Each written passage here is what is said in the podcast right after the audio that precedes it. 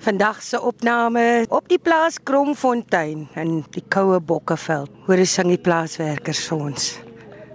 Is dit nie mooi nie? Ek loop nou tussen die boorde op 'n grondpad en hoor daai klank.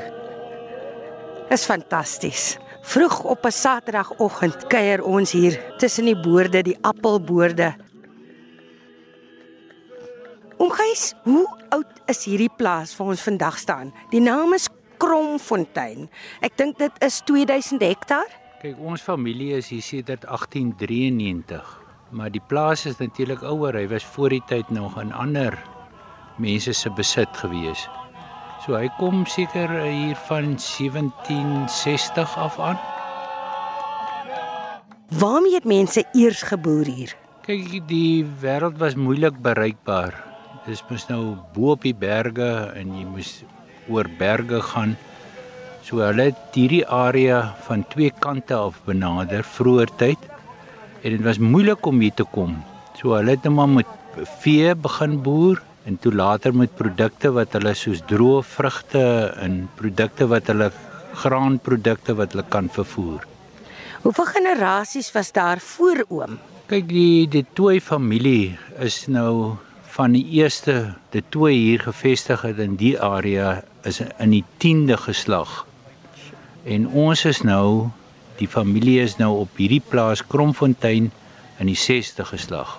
Oom om dinge bymekaar te hou van so 'n groot stuk grond, groot plaas. Waar is die kopsere oom van so iets? Of gee oom nou net leiersels oor die kinders moet nou die dinge doen?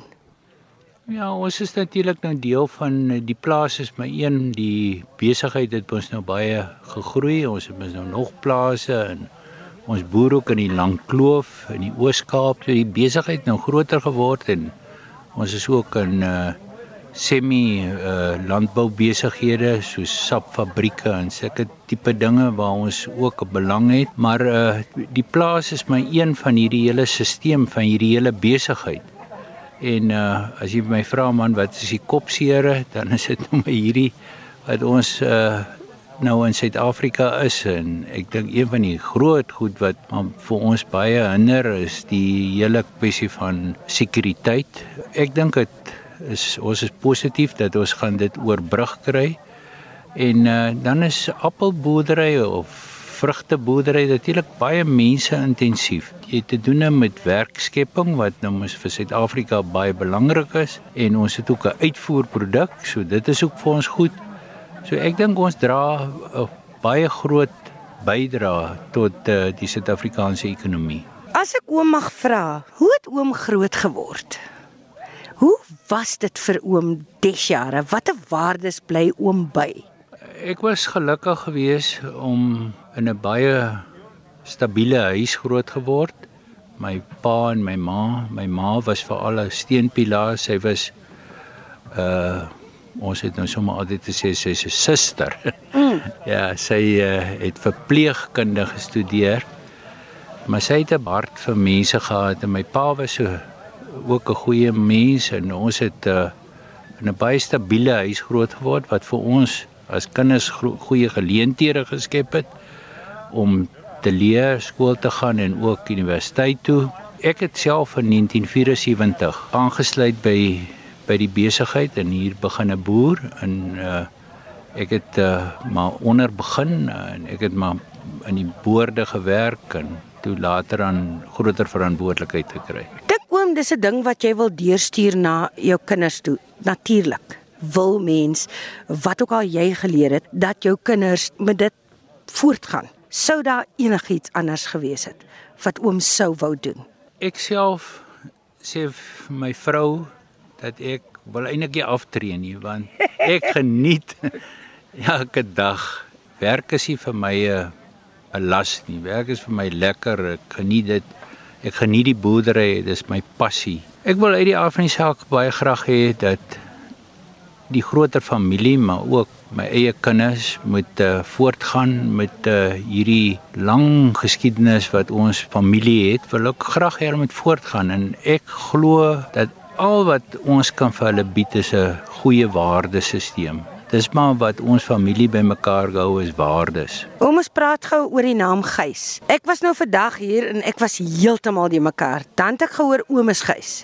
Oom se seun is Gys en dan het ek gehoor daar's nog 'n Gys en dan is daar 'n Gysbert. Verduidelik vir my oor die geskiedenis van die naam Gys. Ja, Gys uh, is nie die familienaam van dit toe nie. Gys kom so die sewe geslagte het uh, een van die voorsate, 'n Immelman familie waar die Gys vanaf kom.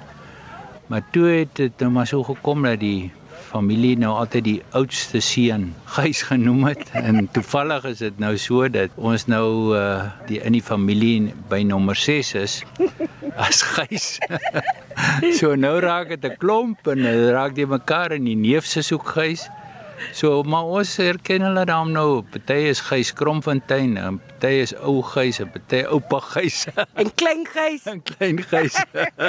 Dis fantasties oom. Ek wil net gou by oom hoor. Die naam Kromfontein. Dis vir my eintlik hartverwarmend want ek weet al 'n storie agter dit. Weet oom wat daai storie is agter Kromfontein? Ja, ek weet wat die storie is. Die uh, plaas lê langs die Kromme rivier, Kromme rivier.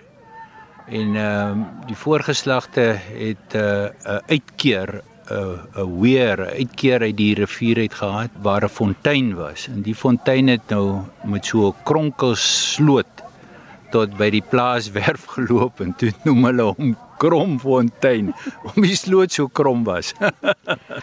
oom, is daar drome nog wat voorlê vir oom? Wat sien oom nog in die toekoms? Is daar goed waaroor oom regtig passievol voel?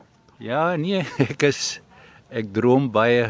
Ek uh, sê altyd vir die kinders jy, jy moet bly droom. Jy nie 'n droom het nie dan uh, raak jy maar verstart in jou uh, denke. As jy my vra wat droom ek? Ek droom dat die familiebesigheid suksesvol moet deur die geslagte gaan en dat ons die nageslag die familiebesigheid kan voortsit. Meer spesifieke drome is uh die aanwending van tegnologie. Mm. En tegnologie het geen einde nie. Daar's wonderlike wonderlike geleenthede en uh ek dink een van die dinge wat ons boerdery gaan baie verander en het verander is die genetika. So die genetika is hierdie fantastiese vrugte wat ons vandag het met beter kleur, beter smaak wat ek dink net vir die verbruiker net 'n baie beter produk gaan gee. Tegnologie nou inkom. Hoe oud is oom? Laat ek eers dit vra. Jy mag mos nie vir my vrou oud ek is nie. Eh, jy mag nie vir 'n vrou vra nie, ouma, ek mag vir man. nee, ek word nou 27 April 70. Oom, toe tegnologie nou inkom, kon oom hy ding net so lekker optel?